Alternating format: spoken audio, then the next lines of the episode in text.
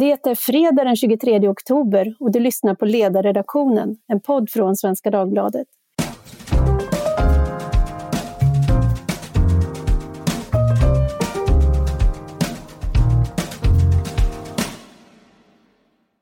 Jag heter Tove Livendal och idag ska vi ta tempen på Corona-Sverige. Hur går det för oss? Vad händer och vad har vi lärt oss? Hur ska man se på den hittills gjorda avvägningen mellan smittbekämpning och samhällsekonomi? Och utifrån vad vi har sett hittills, gör vi rätt? För att reda ut det här har jag tre mycket kvalificerade gäster.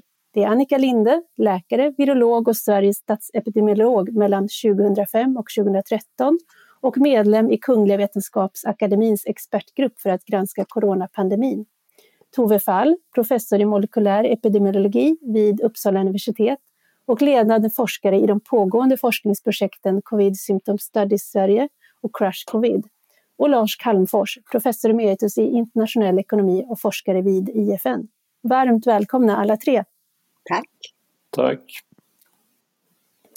Om vi börjar med dig Tove, berätta vad det är som händer i forskningsfronten. Vad är det vi vet nu som vi inte visste tidigare och vad hoppas vi kunna få bättre klarhet i genom den forskning som du är involverad i? Mm. Det jag spanar på mycket just nu det är hur man ska kunna hitta nya utbrott tidigt. Och då kan man både tänka på hur kan vi på individnivå ställa diagnos tidigt? Vad finns det för möjlighet att testa sig i hemmet och så vidare? Och där vet jag att många ansträngningar pågår runt om i världen för att ta fram säkra tester som man kan göra på sig själv i hemmet, till exempel på ett salivprov. Sen är jag också jättenyfiken till exempel på de här coronahundarna som ska kunna testa hundratals prover på en dag. Och sen lite mer på samhällsnivå. Hur kan man till exempel använda modern teknik och titta på eh, avloppsprover och virusstegringar och kan man ta prover från lokala pumpstationer och så vidare. Så att sånt har jag mycket spaning på. Men sen är det klart att det pågår enormt mycket forskning och det går inte att hålla sig upp, eh, uppdaterad på precis allt som pågår kring behandling, förebyggande arbete, vacciner och så. Utan man får försöka spana av vad är det allra viktigaste som händer just nu. Mm. Men kan det komma något sånt här, ja, men jag tänker vi har ju eh, något av det som har pratats om är ju det här om gener spelar roll och sen dök de här T-cellerna upp. Alltså, kan det dyka upp några sådana resultat som på något sätt mm. omkullkastar väldigt mycket av det vi jobbar utifrån nu? Mm. Det som, just det där med genetiken är ju spännande om man kan hitta en förklaring på varför en del personer drabbas mycket mer av allvarlig sjukdom än andra. Och där pågår det stora ansträngningar just för att hitta det, för då skulle man ju på så sätt kunna lite mer förutsäga vilka som löper störst risk. Um, så där får vi se. Um, tidig, vad jag förstått så har man väl inte hittat någon absolut avgörande gen hittills, utan att precis som många andra sjukdomar så verkar det här vara komplext, alltså att det är många olika saker som påverkar, många olika genvarianter och så vidare. Mm. Visst, det vore ju något, men jag tror verkligen på det här att ett jättegenombrott vore om alla människor kunde få tillgång till snabba tester i hemmet. Det skulle verkligen vara en sån här game changer. Just det, för det skulle också kunna leda till att vi omprövar rekommendationerna vi har nu. Det skulle kunna leda kanske till en större rörelsefrihet. Mm, ja, men man skulle kunna tänka sig, det beror ju på helt klart hur träffsäkra de här proverna eller testerna kommer bli. Eh, antagligen kommer det bli så med de tidiga testerna att man måste bekräfta ett positivt test med ett ytterligare PCR-test. Men tänk dig att alla skulle kunna ha det hemma. Eh, 50 stycken remser som du kan använda. Till exempel de som jobbar i vård och omsorg innan de går till jobbet, testa sig och vi skulle på ett helt annat sätt kunna arbeta mot smittan. Mm. Om man anlägger ett strikt medicinskt perspektiv, eh, gör Sverige rätt saker för närvarande? Finns det någonting som vi borde göra som vi inte gör? Mm. Jag tycker att vi har kommit långt de senaste månaderna. Vi börjar få upp det här testa, spåra, isolera. Det har hänt mycket sedan i våras på den fronten. Men jag tror att det finns en hel del mer. Vi skulle kunna lägga mer resurser för att verkligen få till och tillgängliggöra testning och att alla känner till hur de ska boka tid och att man bör testa sig och så vidare. Sen smittspårningen går också att slipa till och jag tror även den här isoleringsdelen. Som det är nu så har man ju hushållskarantän en del regioner, men man skulle också kunna lägga till att misstänkt smittade även utanför hushållet eh, inte ska träffa andra under en tid. Det är väl där jag ser att vi har mycket på plats, liksom skelettet, men man skulle behöva ja, skärpa till allting så att det blev riktigt skarpt vapen. Just det. Eh, Annika, du sitter ju i den här expertgruppen som KVA har och den fokuserar ju på det medicinska perspektivet till skillnad från Coronakommissionen som granskar regering och myndigheters hantering av pandemin. Eh, kan du berätta hur ert arbete ser ut och vilken sorts frågeställningar ni tittar på? Arbetet det har just börjat och eh, vi kommer att titta på en hel en hel del vetenskapliga aspekter, både medicinska men också när det gäller spridning, till exempel det här med nu klimat och virus, de kan vara väldigt aktuellt nu när, när vintern kommer. Vad händer, då, vad händer då med virus under olika omständigheter?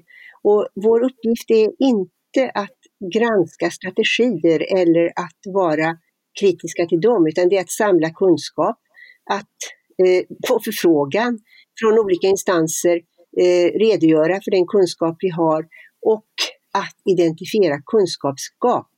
Både för eh, det som händer nu under pandemin, om, om det, vi inser att ja, här vet vi ingenting, här måste vi veta mera.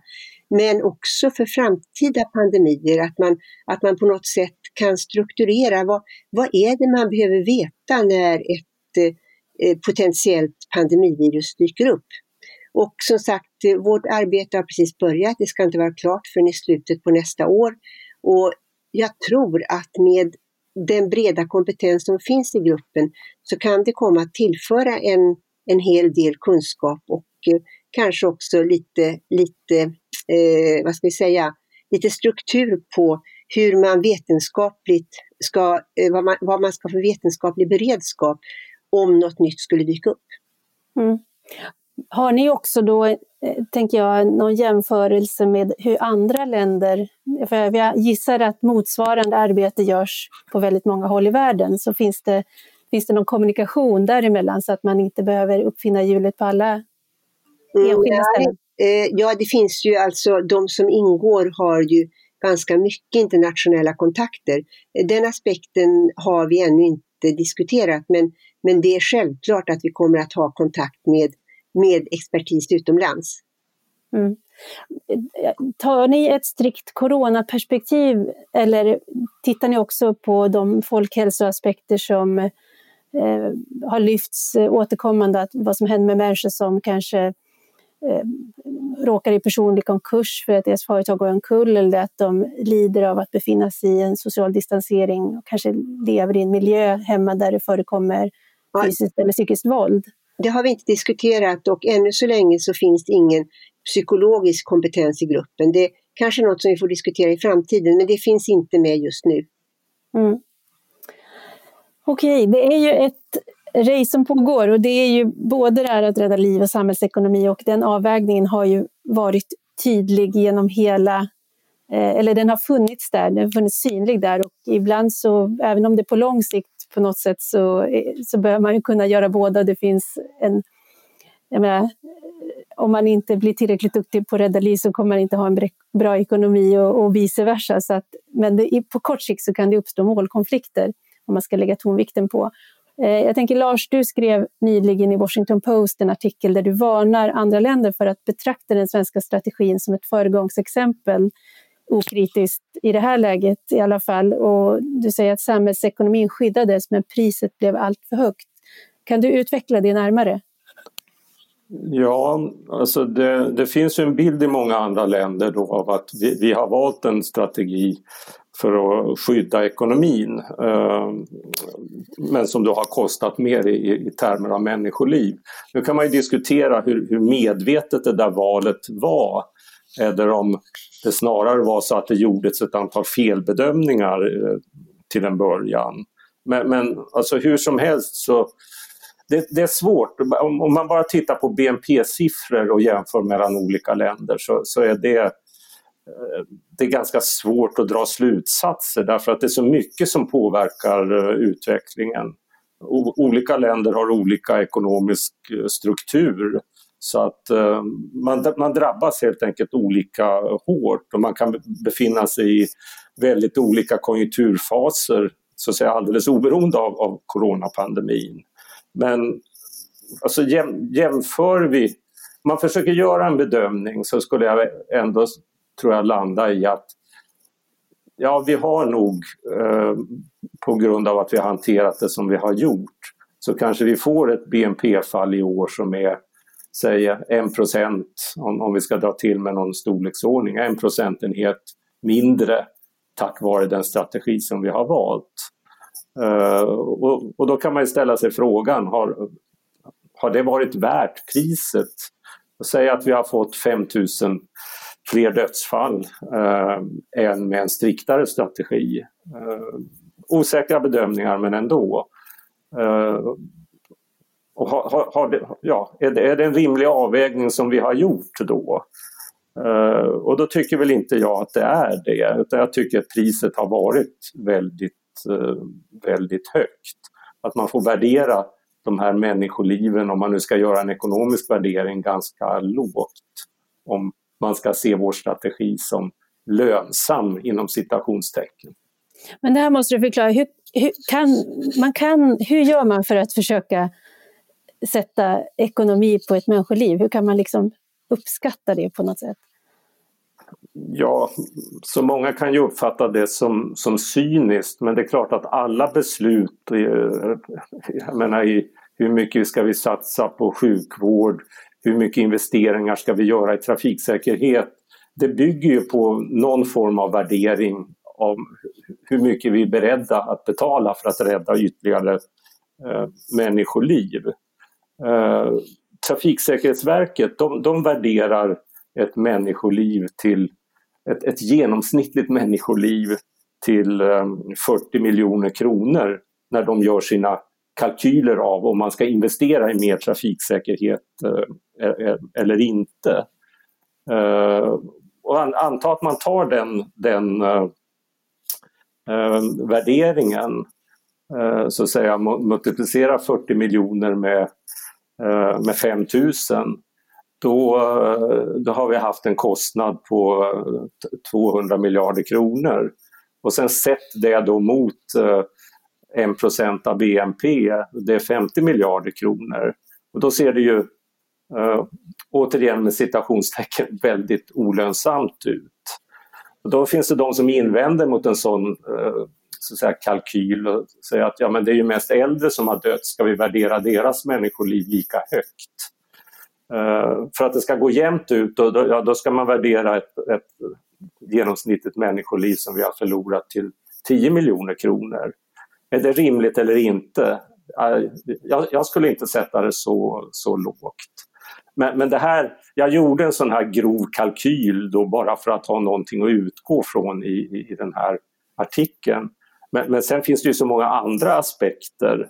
Eh, alltså hur, hur ska vi räkna med alla medicinska behandlingar som inte har blivit av på grund av coronapandemin. Mm. Uh, hälsoeffekter för de som har blivit sjuka, man kräver uh, lång rehabilitering. Hur ska vi värdera att många har kunnat leva lite mer normalt men vi som är över 70 mindre normalt. Eh, men man måste ändå man, ja, man måste börja någonstans. Och jag, jag landar ändå i att ja, vi har nog gjort ekonomiska vinster men jag tycker priset har varit förfärande högt. Mm. Och det, det, är ju extremt spännande frågor och de utmanar ju en på alla sätt. Men, och sen så blir det också alltid en kontrafaktisk historieskrivning och spekulera i hur det kunde ha sett ut. Men om, om du tillåter dig att vara efterklok, vad, vad skulle Sverige ha, ha gjort annorlunda? Ja, jag skulle säga så här att man, du var också inne på det tidigare att det är ju inte i alla lägen en, en, en målkonflikt. Jag menar att det fanns saker som vi kunde ha gjort väldigt tidigt som hade varit effektiva, som, inte hade, som hade minskat eh, de hälsomässiga kostnaderna, antalet dödsfall. Ehm, men som inte hade varit särskilt dyra typ sätta alla som kom från, från Italien eller Alperna i, i, i karantän. Ehm, både familjemedlemmar och, och, som Tove var inne på, familjemedlemmar och nära kontakter till de som är smittade, sätta dem i karantän. Mer av, av testning och smittspårning kunde vi ha gjort på ett eh, mycket tidigare stadium. Och då, då, hade det inte varit en målkonflikt egentligen utan då hade det varit någonting som hade hjälpt både ekonomin och, eh, och hälsan. Mm. Om jag går tillbaka till vad man själv var mentalt. Jag, vet, jag hade en nära vän som var väldigt upprörd över det och som sa, men hur kan det vara så att Sverige inte sätter de här människorna i karantän? Hon tyckte det var alldeles självklart. Och då var jag själv i en slags eh, alltså orienteringsfas verkligen, men, men eh, så där hade det varit... Och, och Sverige är man ju också lite, vi är lite... Den som är tidigt ute och varnar för saker blir ju lätt också krösemaja och det är ingen som vill vara det. Så det, men det där är ju, tänker jag då, för det arbete som Annika gör, det blir jätteviktigt för nästa gång, för det kommer väl komma fler pandemier, att man drar en lärdom av vad som skulle ha gjorts, kunnat göra i ett mycket tidigare skede. Men jag tänker på det här viruset nu då, vad vet vi om, om utvecklingen av det? Eh, norska folkhälsoinstitutet de har nu efter prover funnit en ny variant av coronaviruset som verkar vara mer smittsamt, men man har inte sett att det ger en mer allvarlig sjukdom. Eh, Annika, vad säger du? Hur kan man förvänta sig att det här viruset kommer att bete sig och utvecklas? Det är svårt att säga. Vi har ju sett att det, hittills så har det ju eh, förändrats ganska mycket genetiskt och man kan ju lätt hitta varifrån olika virustyper kom nu, kommer nu därför att de är, de är lite skilda genetiskt. Eh, man eh, kan väl då säga att hittills har man inte sett att just den Eh, den bit som fäster vid celler som infekterar, att den har förändrat sig. Så att det finns inga hållpunkter för att eh, om man har blivit immun mot ett virus, att man inte skulle vara immun mot nästa. Och sen när det gäller då utvecklingen utav eh, sjuklighet så är det alltid ointressant för ett virus, som jag så säger, att skapa eh, allvarligare sjukdom. För att får man allvarligare sjukdom, då blir man liggande hemma och då drar man sig ur cirkulationen. Så att den naturliga selektionen brukar vara mot mindre smittsamhet och mot framförallt mindre sjuklighet. Större smittsamhet kanske man ska säga, men mot mindre sjuklighet. Därför att, just därför att det gynnar smittspridningen. Här får man hela tiden tänka evolutionärt att eh, det som har störst chans till överlevnad och virus vill överleva, även om inte virus vill någonting så vill det överleva och sprida sig så mycket som möjligt. Och då är det, då, då är det oftast så, precis som influensavirus har gjort genom tiderna, att de har blivit skapat mindre och mindre allvarlig sjukdom genom åren. Men det har tagit lite tid. Det tog en tre, fyra år för spanska sjukan till exempel att börja bli ett virus som, som skapade mindre allvarlig sjukdom. Och Ehm, jag tror inte att vi riktigt ännu kommer att se de, eh, eller att vi just nu i alla fall ser de stora effekterna utav de virusmutationer som har varit. Men, men det kan komma att bli så och då är min gissning möjligen mer effektiv, alltså selektion för mer effektiv spridning och mindre allvarlig sjukdom. Mm. Och vi kanske, är det så att vi får tänka oss att vi kommer att leva med, med varianter av detta på samma sätt som vi gör med säsongsinfluensan? Och att...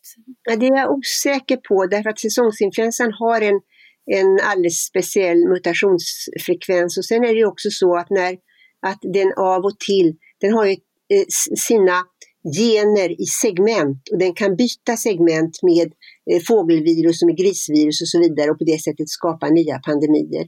Och den förmågan har ju inte eh, coronaviruset. Det är möjligt, eh, det är inte uteslutet att det skulle kunna ändra sin förmåga att binda till, alltså det ställe där den binder till celler så att, så att det, det kommer upp i nya varianter. Men det är inte någon välkänd egenskap hos coronavirus att det är på det viset. Mm. Eh, en fråga som ju är hela tiden närvarande och allt mer och mer och den eh, tar också stor plats i amerikansk valrörelse, det är ju det här med vaccin. Hur snart kan det vara här och i vilken grad kommer det att vara pålitligt och hjälpa? Och eh, i dagarna har det också rapporterats om stora läkemedelsbolag som pausar vaccinförsök efter oförklarligt insjuknande. Tove, vad håller du ögonen på i den här utvecklingen? Jag håller nog koll på precis samma saker som alla andra och tittar på kommer något av de här vaccinerna lyckas visa att det är effektivt och det är säkert och det går att producera i stor skala. Det är ju såklart drömmen. Vi är ju alla trötta på den här pandemin och vill hitta ett sätt att ta oss ur. Men när den här pandemin började så tänkte man att ett vaccin, det kommer ta så lång tid att ta fram. Man vet hur lång tid läkemedelsutveckling tar. Men det har ju varit fascinerande att se hur man har snabbat upp alla processerna för att snabbt kunna klara av de olika faserna i att ta fram ett nytt vaccin. Så att bara det, hur man snabbt har kunnat få de här stora studierna på plats är fascinerande. Men när ett nytt vaccin kommer och hur effektivt och säkert det blir, det, det vågar jag inte säga någonting om. Nej, för det blir ju den frågan som man som bara lekman undrar. Är det, tyder det på att processerna i vanliga fall är alldeles för byråkratiska och långdragna eller, eller tyder det på att man rundar hör nu och skippar en massa kontroller som man kanske borde ha? Det vågar jag inte riktigt svara på. Jag tror nog att man har skippat en del eh, byråkratiska hörnor plus att man har ju prioriterat det här otroligt högt. Så det gör ju att alla har jobbat på och man har kört många olika saker samtidigt. Eh, och inte sekventiellt, liksom, utan man testar produktionen samtidigt som man testar säkerheten. Så att man parallelliserar en hel del som förut har varit sekventiellt. Eh, men det här, sen att man stoppar en, en klinisk prövning tillfälligt, det är inget som är ovanligt, utan det ingår ju i rutinerna när det händer någonting, att man tittar och utreder vad är det som har hänt om man får någon tecken på en allvarlig biverkan. Mm. Och sen då när det väl är här, då kommer nästa fråga, hur många eh, i befolkningen som kommer att vara villiga att vaccinera sig. Eh, jag såg häromdagen så gick det något reportage om en av dem eh, som drabbades av narkolepsi efter vaccination mot svininfluensan. Och man kan ju höra människor prata om det här vaccinet och just säga, undrar hur säkert det blir och känner man till biverkningarna. Hur rekommenderar ni att man ska tänka kring riskerna som individ? Jag lägger gärna till lite där att det, det här är ju det är en fråga om individuell kontra kollektiv rationalitet. Det, det, det är ett problem som ekonomer ofta analyserar. Alltså, i, det, I det här fallet så kan man säga att om, om vi är osäkra på riskerna då är det ju för mig individuellt rationellt att inte vaccinera mig givet att alla andra gör det. Men om alla resonerar så, så, så blir det inte så bra för, för samhället. Och då är frågan hur, hur hanterar man en sån situation om, om, om många tänker på det sättet? Och då är ju ekonomers standardrecept, då är det, är ju då att man då lägger man antingen en avgift på de som inte eh, vaccinerar sig eller betalar en bonus till de som gör det. Men det är väl ganska svårt att tänka sig så att eh, då, då, är det väl en fråga helt enkelt att försöka påverka de sociala normerna, alltså genom normbildning. Eh, så, så tänker jag om det i, i det här fallet. Men, men det är en ekonomiskt strikta utgångspunkt. Mm. Vad säger ni andra? Jag tror att det är viktigt, för mig personligen är det viktigt att föregå med gott exempel och att låta vaccinera mig och tala om att jag gör det. Och det tror jag är viktigt för många människor som känner att risken för sjukdom och för vad som händer om man får sjukdomen är större än den risk som man utsätter sig för när man vaccinerar sig. Och just när det gäller covid för oss över 70 så tror jag att det är, eller riskgrupper, så tror jag i hög grad att det är så. Och eh, jag tror att dels, dels har vi svårare, vi kanske behöver flera sprutor än andra, därför att vi har svårare att skapa en immunitet. Men samtidigt så tror jag att risken för biverkningar är lägre hos oss.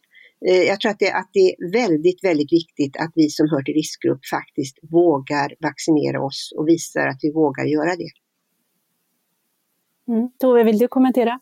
Nej, men jag tänkte också, jag har också tänkt på det att för riskgrupperna så kan man tänka att den personliga vinsten känns eh, som högre risknytta perspektivet. Men det är ju otroligt viktigt för hela samhället att vi också får en stor hög vaccinationsgrad i alla åldersgrupper för att eh, just dämpa smittspridningen. Mm. Jag håller fullständigt med dig om det, men ofta är det ju så att det personliga intresset är viktigare än samhällsintresset för många människor. Och då kanske, kanske det är så att, att vi som har ett personligt intresse som vet att vi har större risk för att få svår sjukdom, att vi börjar. Och om, om det då går bra för oss, då kan man ju tänka sig att även, även, även ungdomar och andra som, som hör till det odödliga skara blir mer intresserade av att vaccinera sig. Jag har dåliga erfarenheter utav att försöka förmå, förmå ungdomar att göra sådana här saker för, för andras skull. Därför att det, det, och det, är inte, det är inte så mycket ovilja, det, det är besvärligt och, och hur ska det gå till och sådär. Och så kommer nu det här med narkolepsihistorien ovanpå det. Så jag tror att det är viktigt att vi alla som hör till riskgrupp börjar och sen hoppas på att få med oss resten utav, utav samhället. Mm. Då får vi hoppas att det går bra för oss så att vi inte blir ett dåligt exempel. Ja, men gör det det, då är det väl jättebra. Det, jag är mycket gladare om det är på mig än på mina barnbarn. det, är, det är en kula för laget, om man säger. Mm. Ja. Mm. Alltså jag tänker på det, det går ju inte ändå man, utan att man får höra på något sätt om det här, därför att det är vänner som resonerar kring sin situation eller berättar att de har fått antikroppar eller har berättelsen om, om antingen tillfrisknande eller också att man går omkring och bär på men. Och sen är det mycket diskussioner om de här råden och rekommendationerna. Jag vet att eh, de som driver loppmarknader i Sverige är jätteupprörda därför att de tycker att de blir eh, ofördelaktigt behandlade jämfört med andra verksamheter och de håller också till utomhus. Så det, det, är väldigt mycket diskussioner skulle jag säga på olika lager, i olika lager i befolkningen om de beslut som fattas som folksamlingar och andra råd. Och eh, jag undrar om ni tycker att de åtgärder som myndigheterna har beslutat om och som gäller just nu, är de odiskutabelt rätta? Eh, svår fråga, men jag kan säga att jag tycker kanske att det är lite knepigt att ändra rekommendationer och göra dem eh, mindre strikta just nu, till exempel här när det gäller 70 plus. Eftersom vi nu har ett väderomslag mot höst och vinter. Folk vistas mer inomhus och luften blir torrare och sannolikt sprids, luft, eller sprids virus bättre i torrare klimat. Jag skulle gärna ha velat att man hade väntat en 14 dagar, tre veckor med att göra några förändringar överhuvudtaget egentligen för att, för att verkligen se vad, hur, hur, ser, hur kommer utvecklingen att se ut just nu när vi befinner oss i en situation där hela Europa ser en ökad smittspridning och vi vet att smittspridningen ökar eh, under höst och vinter i Sverige när det gäller tid, har ökat under höst och vinter i Sverige när det gäller tidigare pandemier. Så att jag, jag skulle just nu vilja vara väldigt försiktig och eh, jag saknar lite grann det där skyddet att eh, som, som över 70 så så, så får jag inte gå ut i affärer eller gå på möten eller någonting sånt. Jag, jag skulle gärna vilja behålla den, den, eh, vad ska jag säga, den skyddsmuren ett litet tag till, till dess att utvecklingen är klarare. Jag håller helt med om det att det ger lite konstiga signaler att vi just är i en fas när smittspridningen ökar Eh, eller inte vi, men att man lättar på, på um, flera restriktioner. Jag har också tänkt på det här med hur det är, alltså de ändrade rekommendationerna nu då för, för oss som är 70 plus. Eh, men jag tänkte där lite, om man ska spetsa till det hela, om man kanske skulle kompensera det med att eh, 20 till 30-åringar där vi nu har, minst, där har mest smittspridning Alltså att de får isolera sig so socialt i, i säg en månad så kunde man kompensera det. Då skulle vi också få en, få en mer ska vi säga, jämlik fördelning av anpassningsbördan. Men jag är inte säker på att det kommer att vara något förslag som uppskattas av så många. Just det, och det skrev också eh, Karin Thunberg i, i vår tidning om. Hon tyckte att nu är det liksom vi, vi äldre som får vara ute, nu får ni unga gå in. Och, och det kommer att vara jobbigt, men vi, och vi kan säga det efter 219 dagar, men eh, nu är det er tur. Det var ju hennes. Men det kommer ju inga, det kommer ju inga sådana motsvarande restriktioner för de yngre. Så det, det, är klart att det blir trängre där ute nu. Vad säger Tove, vad tycker du om liksom de råd som gäller nu? otroligt svår balans eh, med det här med riskgrupperna. Men jag tycker i princip att det är bra att det är samma som gäller alla. Men jag hade också gärna sett en kompensation, men kanske inte en utpekad grupp. Men att man i samma andetag som man säger det här säger att okej, okay, och nu ska vi också på alla på flera andra sätt göra allt för att trycka ner den här smittan och vi gör de här satsningarna på till exempel smittspårning eller regler till karantän och så vidare kring ännu mer satsning på testning och, och kanske på en smittspårningsapp eller någonting i den vägen, att man kompenserar det här ökade risken nu för 70-plussarna och andra riskgrupper genom att satsa sig ur det här på saker som vi tror kan fungera.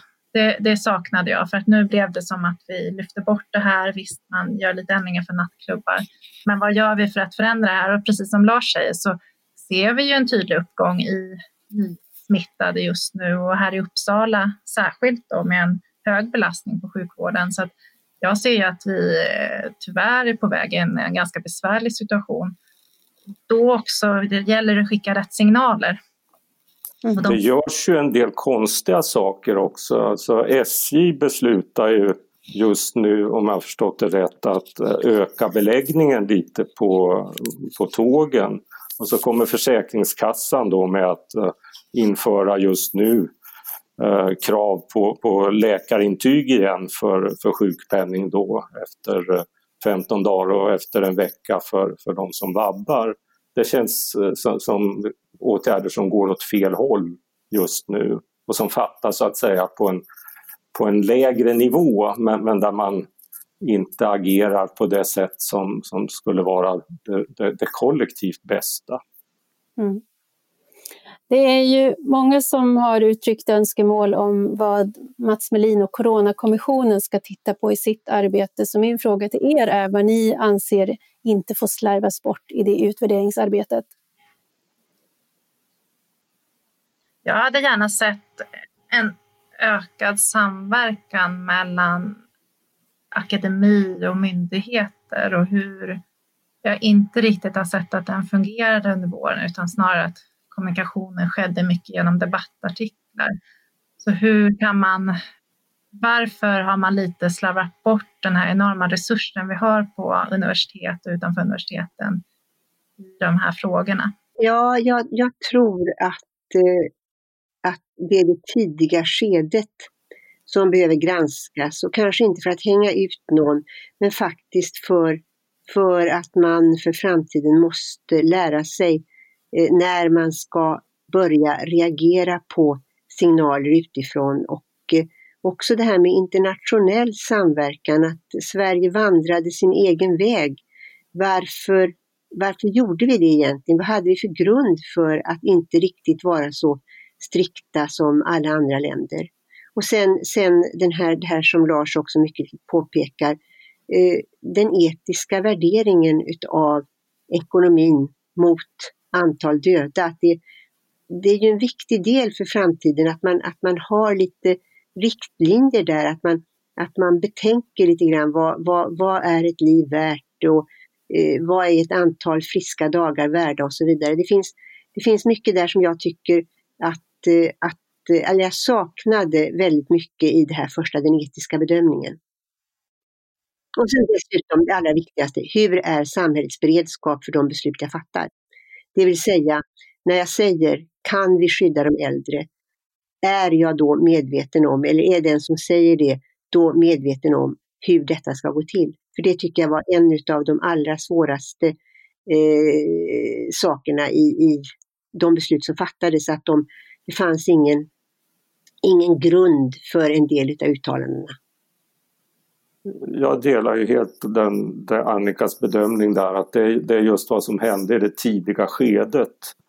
Uh, alltså, hur, hur, vägde man om man gjorde det ekonomiska aspekter mot, att, mot, mot, mot annat? Vilken hänsyn tog man till dem?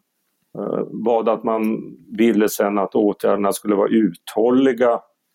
Uh, varför skulle det i så hög grad bygga på frivillighet och inte vara bindande? Och, och hur var det med det här med, med flockimmunitet? Jag tycker aldrig att det har blivit riktigt, riktigt klart. Och sen så tycker jag också att det var eh, för mig som lekman på området så var det en del beslut som väldigt tidigt framstod för mig som, som egendomliga. Till exempel det här att man inte satte de som återvände från Italien i, eh, i, i, i eh, karantän. Och, och, och, rent av att man, man gick ju faktiskt från Folkhälsomyndighetens sida ut och kritiserade arbetsgivare som, som gjorde det på egen hand. Jag hade mm. väldigt svårt att förstå en del av det som hände då. Sen är det förstås den här övergripande frågan om här, relationen mellan politiker och, och, politiska beslut och expertmyndigheten.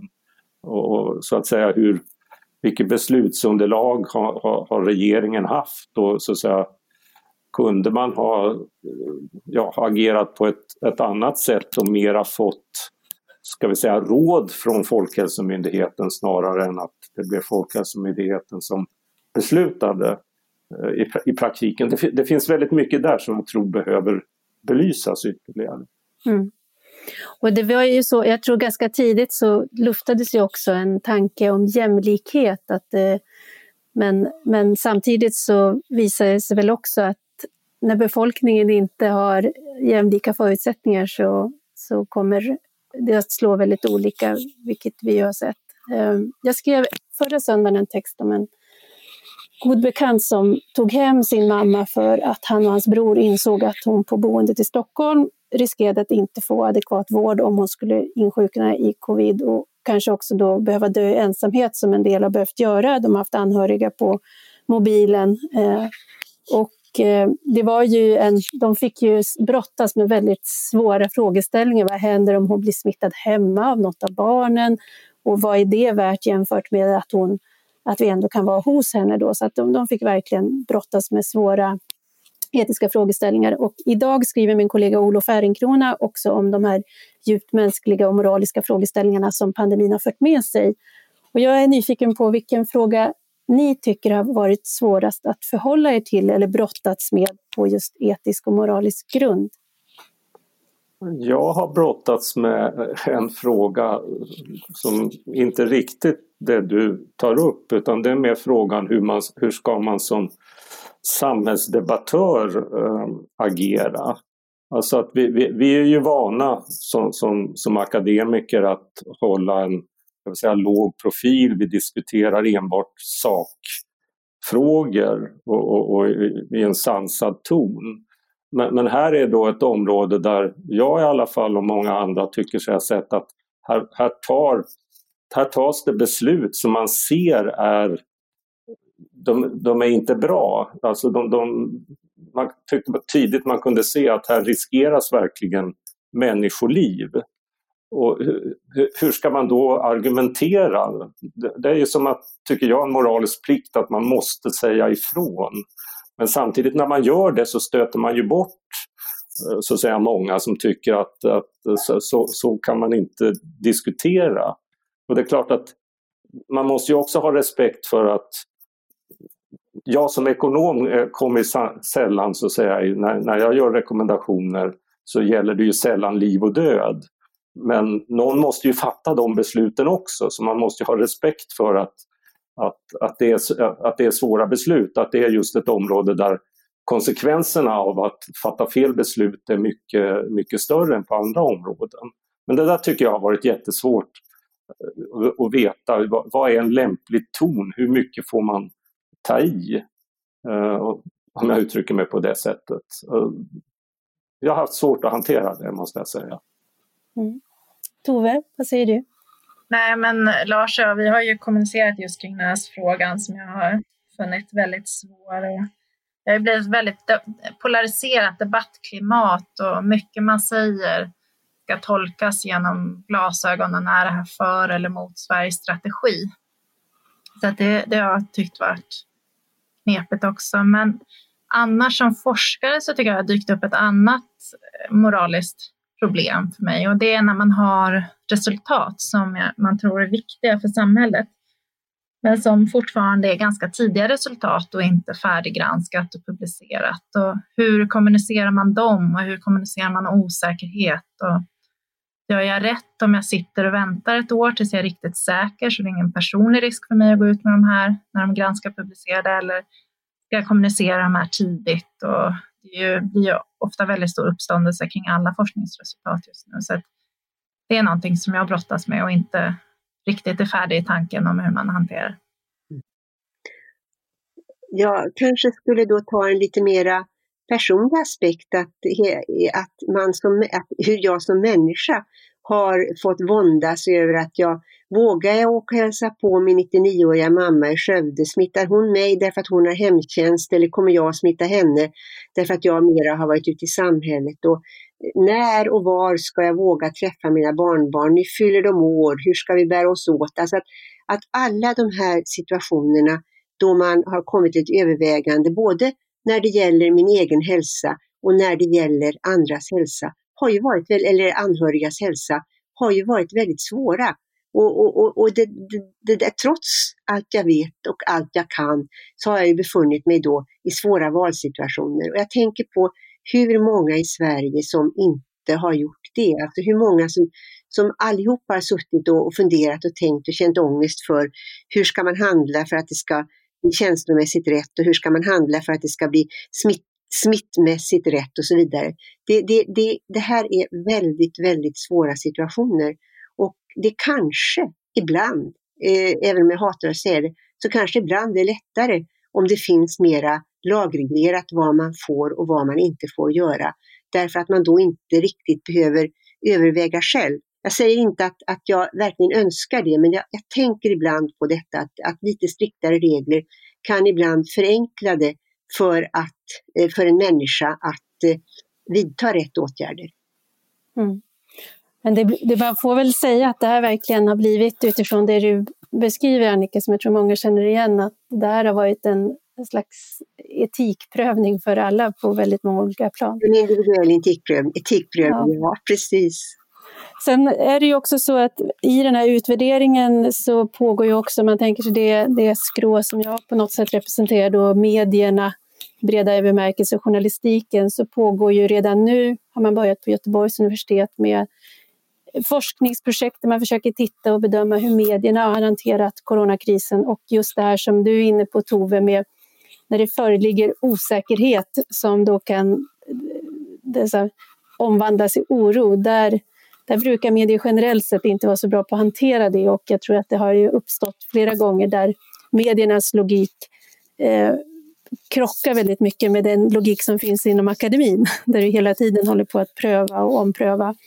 Så det, det finns, finns förmodligen väldigt mycket lärdomar att dra där och också självkritisk granskning som behöver göras av, inom journalistiken. Eh, det börjar bli dags att runda av, Eh, men innan vi gör det så ska vi få, ni få svara på våra obligatoriska fredagsfrågor som lyder Vad gör ni i helgen och har ni något tips till våra lyssnare? Och Tove, du får börja. Vad ska jag säga? Jo, jag ska ha tacokväll ikväll och sen blir det en lugn helg hemma och även analysera lite ny data från Uppsala-området så det blir spännande. Och mitt är att eh, om ni inte har läst den så eh, Ett jävla solsken av Fatima Bremmer om Ester. Mm. Eh, otroligt bra bok. Tack för det tipset. Annika? Ja du, det blir nog en lugn helg. Jag har lite svåra saker att planera och många mejl att skriva och sådär. Så att, så att jag, jag, är, jag kommer att vara upptagen i lugn och ro. Och vad säger Lars? Ja, jag ska försöka få ordning på min lägenhet därför att eh, vår bostadsförening har genomfört en stor fönsterrenovering eh, under de här veckorna som i princip gör att eh, vi som arbetar hemma inte kan vara hemma. Eh, så jag har lånat en annan lägenhet i, sam i samma hus där jag sitter nu. Och, eh, jag ska som sagt försöka få ordning på min lägenhet som befinner sig i fullständigt kaos med nedmonterade fönster och så vidare. Så jag kommer inte ha några sysselsättningsproblem. Har du någon rekommendation då till lyssnarna? Nej, jag har väl ingen rekommendation. De ska vara glada att de inte är i min situation. ja, och, och, tvätta händerna och hålla avstånd och sånt där. Ja. Ja. ja, själv ska jag, tror jag, sätta samman en liten lästipslista. Det inleds ju höstlov här till veckan och eh, det behöver inte bara barn ägna sig åt, utan det är bra tid för vuxna också att läsa, tänker jag. Har du några bra tips? Ja, men, ja, det har jag. Jag har precis läst ut två böcker. Det ena är Lena Anderssons senaste bok Dottern, som är ju uppföljningen på Sveas son. Och den, hon har ju en fenomenal förmåga att se saker, tycker jag väldigt tydligt. Så den rekommenderas. Och sen har jag också läst Maria Erikssons bok Delad som handlar om hennes år i delningsekonomin. Och det är en otroligt eh, fascinerande tur hon gör och eh, det är också med en formuleringskonst som är helt förtjusande. Så det är två boktips som jag skickar med. Vad trevligt! Ja, eh, men med det säger jag stort tack Lars Calmfors, Tove Fall och Annika Linde. Tack för att ni medverkade idag. Tack själv! Ja, tack själv! Tack så mycket, trevlig helg! Ja, och tack till er som har lyssnat. Har ni frågor eller synpunkter så kontaktar ni som vanligt ledarsidan svd.se. Vi hörs igen på måndag. Då har vi gått över till vintertid. Det är väl vad jag förstått sista gången vi skiftar till det. Och med det säger jag trevlig helg.